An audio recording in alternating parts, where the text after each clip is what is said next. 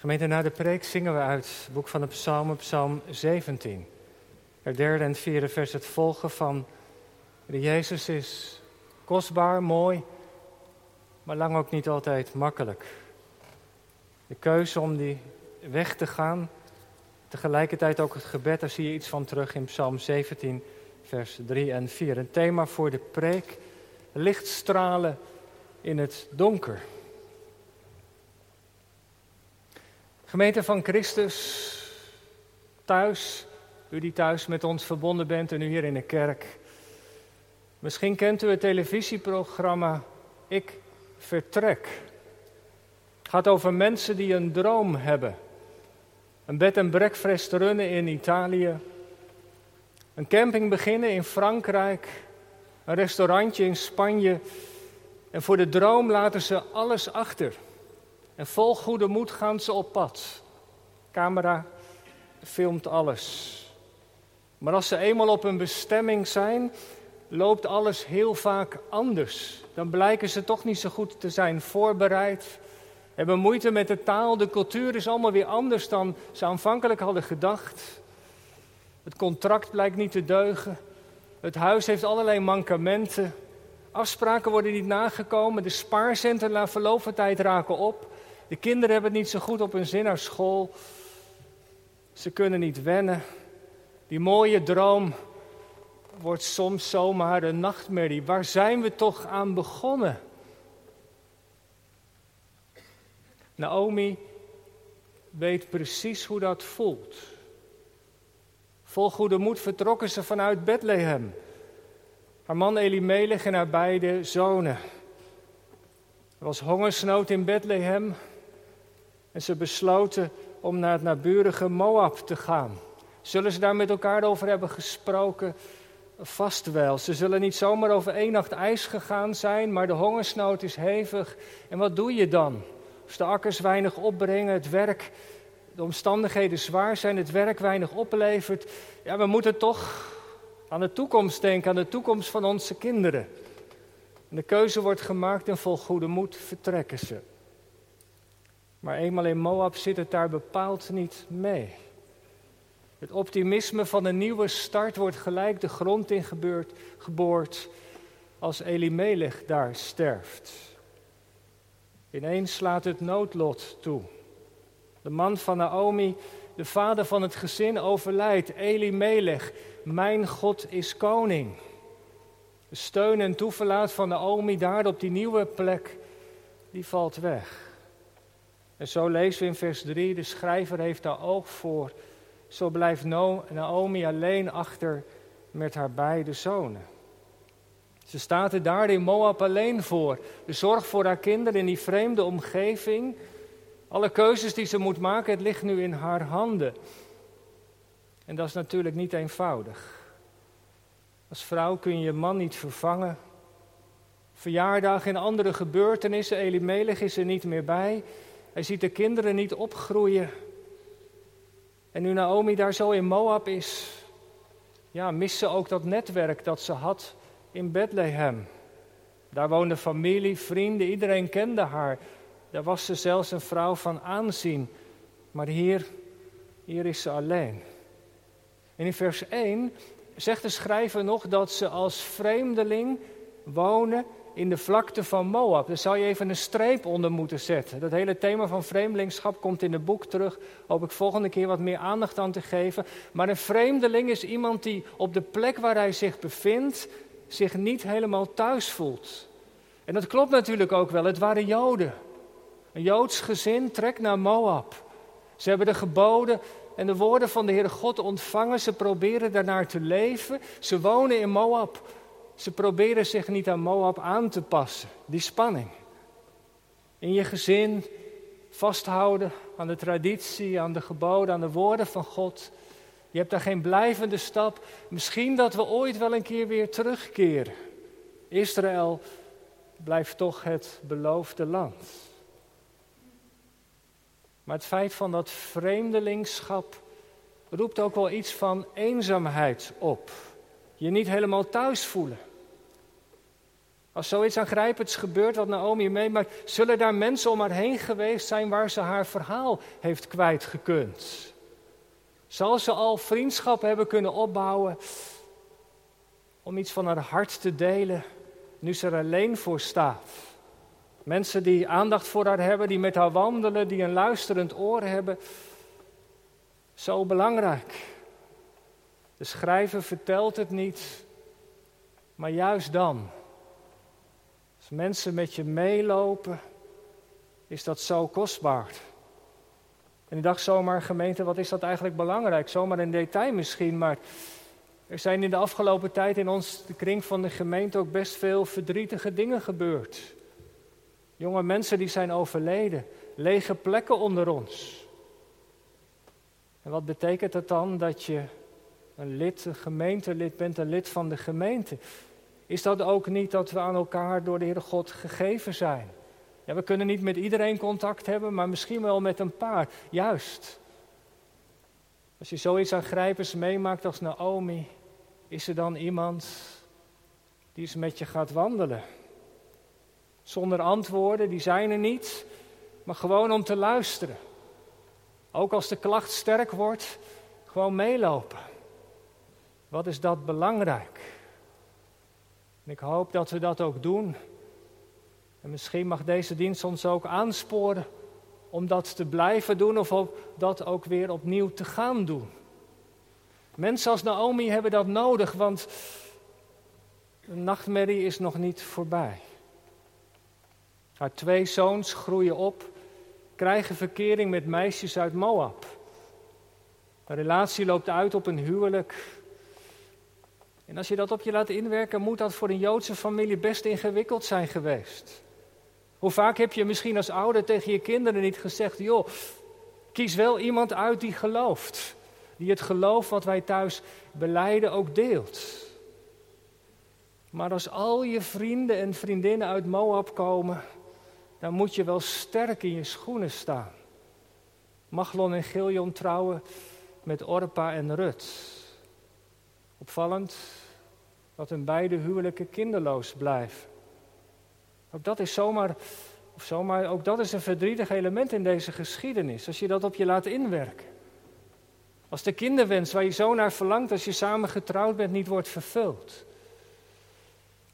En uit de band die Naomi met Rut en Orpa heeft, kunnen we denk ik wel afleiden dat ze daar samen ook over hebben gesproken. Maar dat was ook wel het extra verdriet wat Naomi nog eens moest dragen. Als ze zag hoe haar kinderen dat verlangen onvervuld, in het leven van hun kinderen dat verlangen onvervuld bleef. En dan, na tien jaar, sterven ook Machlon en Giljon. Als al ellende nog niet groot genoeg is, raakt ze ook haar beide zoons kwijt. Het is opvallend dat de namen van de jongens ook met ziekte te maken hebben. Giljon, Machlon betekent zoiets als ziek en Giljon zoiets als zwak. Ziek, zwak en misselijk waren jongens met een, geen sterke gezondheid. Was het een virus, een voedselvergiftiging? Wat er gebeurd is, weten we niet. Maar in een paar vijf zinnen tekent de schrijver onze situatie van Naomi, net als bij Job, in een paar zinnen de volle tragiek. Hoe kan het dat in dat ene gezin zoveel dingen gebeuren? En dan blijft ze nog eens alleen in Moab achter. Haar dromen zijn vervlogen. Vol keerden we heen. En nu staat ze met lege handen. Geen kinderen die voor haar kunnen zorgen in de toekomst. Hoe heeft dit zo ver kunnen komen? En de vraag die natuurlijk ook gelijk opkomt: waar is God in dit alles? Heeft hij daar ook nog mee te maken? Meestal wordt deze geschiedenis zo gelezen, tenminste dat herinner ik me van vroeger, dat God boos is op dit gezin. Want ze zijn immers in eigen houtje in dat heidense Moab gaan wonen. Het is de tijd van de richters.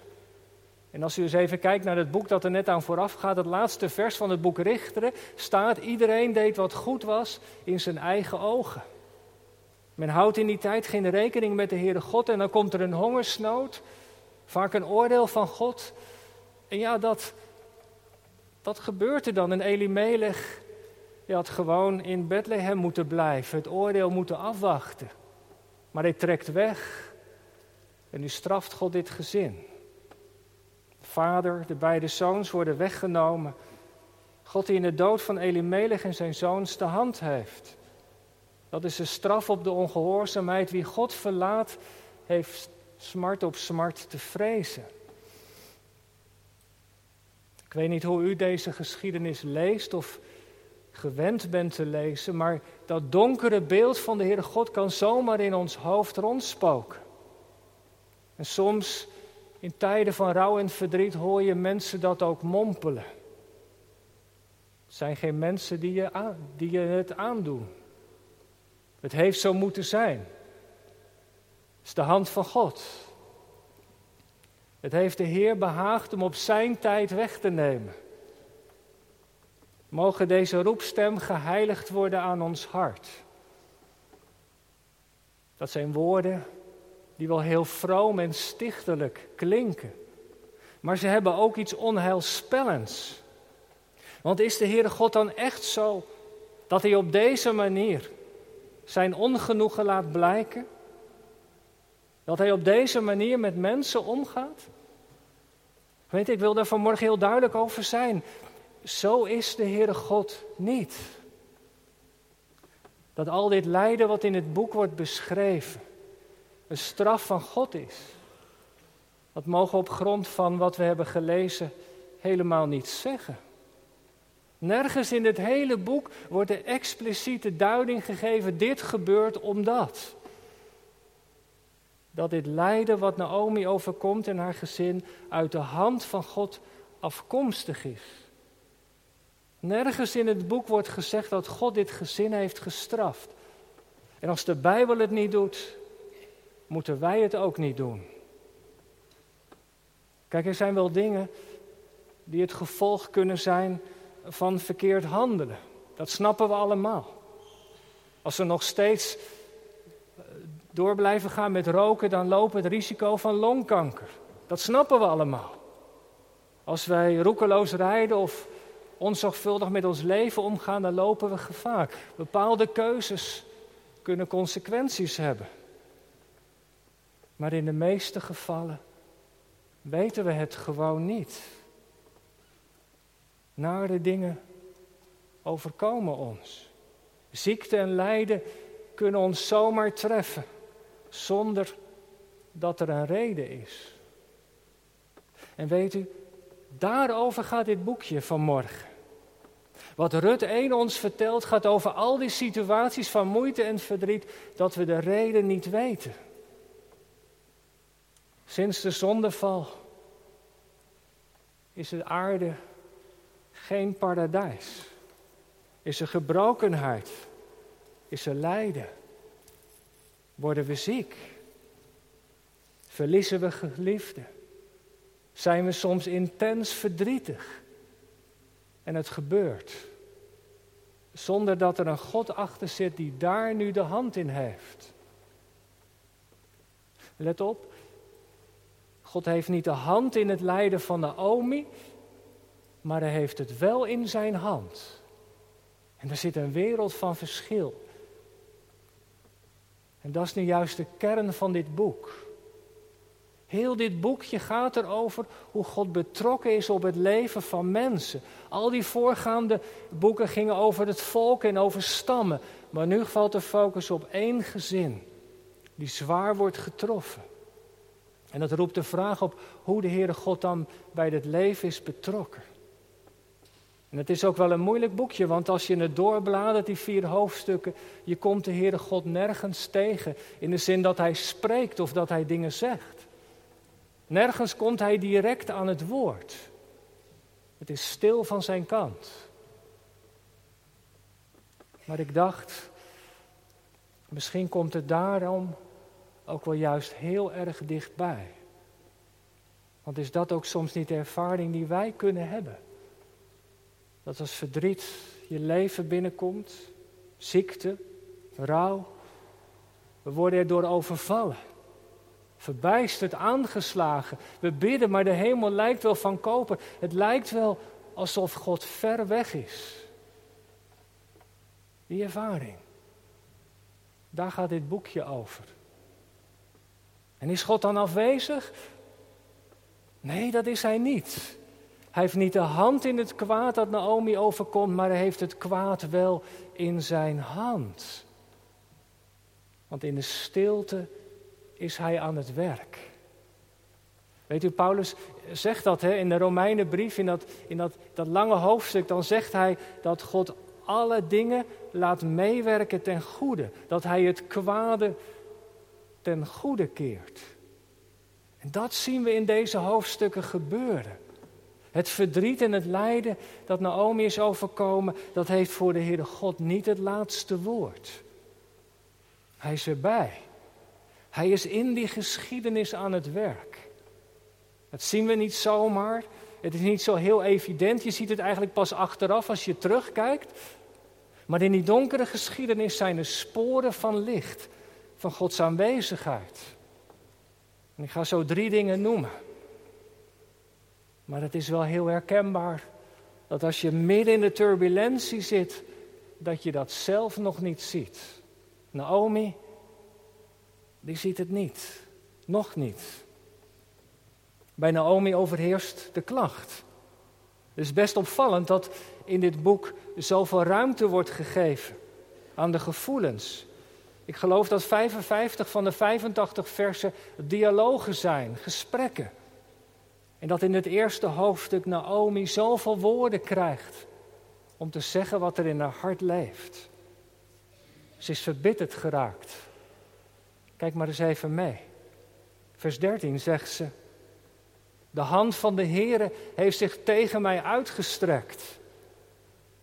Vers 20. De Almachtige heeft mij grote bitterheid aangedaan. Vers 21. De Almachtige heeft mij kwaad gedaan. Ze spreekt niet over heren, maar over almachtige. Dat klinkt al wat afstandelijker. In die woorden zit zoveel bitterheid. Je proeft dat ook gewoon, hè? Naomi is door alles wat er gebeurt, hoe kan het ook anders, boos geworden op God. Ze kijkt naar de feiten. En er is maar één conclusie mogelijk: God moet wel tegen mij zijn. Dat komt er nou van. Omdat wij dit allemaal hebben gedaan. Gemeente, het boek Rut zegt niet dat God dat heeft gedaan.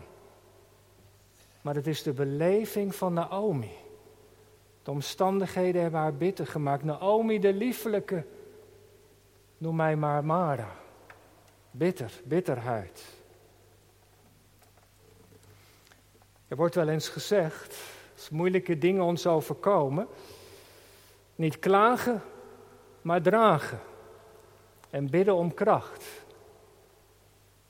Dat klinkt mooi. Maar is het ook bijbels?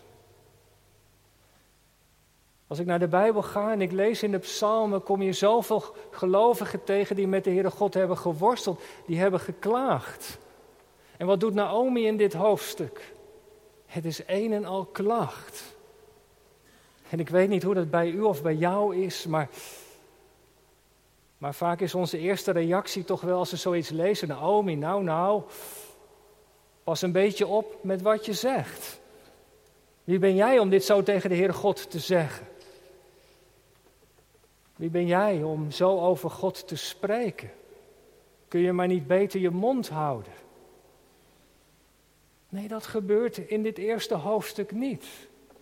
Ze krijgt de ruimte om uit te spreken wat in haar hart leeft, want in de Bijbel is ruimte voor de klacht, voor de boosheid, en ik denk omdat in het eerste hoofdstuk daar zoveel ruimte wordt gegeven dat het ons als gelovig iets mag leren. Dit, dat we ons hart voor de Heer niet gesloten moeten houden. Want dan gaat het van binnen alleen maar in de weg staan. Wat er leeft, mag naar buiten komen. Spreek het maar uit. Want pas als het naar buiten komt, dan kan God er wat mee doen. En weet u, de Heere God valt echt niet van zijn troon. als hij ons mensen hoort klagen. Hoe terecht of onterecht de klacht ook is, de Heere schrikt er niet van. Je kunt maar beter met hem worstelen dan hem buiten je situatie laten. Naomi worstelt met God. En hoe kan het ook anders?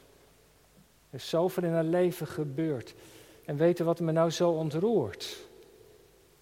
Is dat God zo genadig is dat hij haar met haar klacht, met die bitterheid niet laat vallen, maar dat hij het in zijn handen neemt. En in die donkere situatie is hij bezig met het uitvoeren van zijn plan, door de klacht heen, misschien wel door de zonde heen. Laat hij zijn licht schijnen. En hoe doet hij dat dan? Ik noem een paar lichtpuntjes. Is het niet opvallend dat Naomi niet los is van God? Vers 6. Opeens hoort ze, hoe dat precies gebeurd is, weten ze niet, hoort ze dat God naar zijn volk heeft omgezien. Het bericht is gekomen dat Bethlehem, broodhuis waar hongersnood was, dat er weer koren op de akker staat, dat de hongersnood voorbij is. En dat triggert wat in haar hart. Ze besluit om terug te keren. Nee, de Heere God is niet verdwenen uit haar bestaan. Ze is, nog, ze is niet los van Hem. En je proeft dat ook als het over haar schoondochters heeft. Het zijn zulke mooie woorden. Hè? In het Bijbelgedeelte dat, dat we hebben gelezen. Hè, zo mogen, vers 8. Mogen de Heere jullie goede tierenheid bewijzen. Zoals jullie ook dat bewezen hebben aan mij. Die trouw van Orpa en Rut. Die trouwe liefde. Mag de Heer die ook aan jullie geven. De rest van je leven. In al die bitterheid is Naomi niet los van God. Want God houdt haar vast. En hij voedt het vlammetje van het geloof. Hij laat niet los wat zijn hand begonnen is in haar leven. En dat doet hij bij ons ook niet. Het tweede. God heeft naar Naomi omgezien via Orpa en Rut.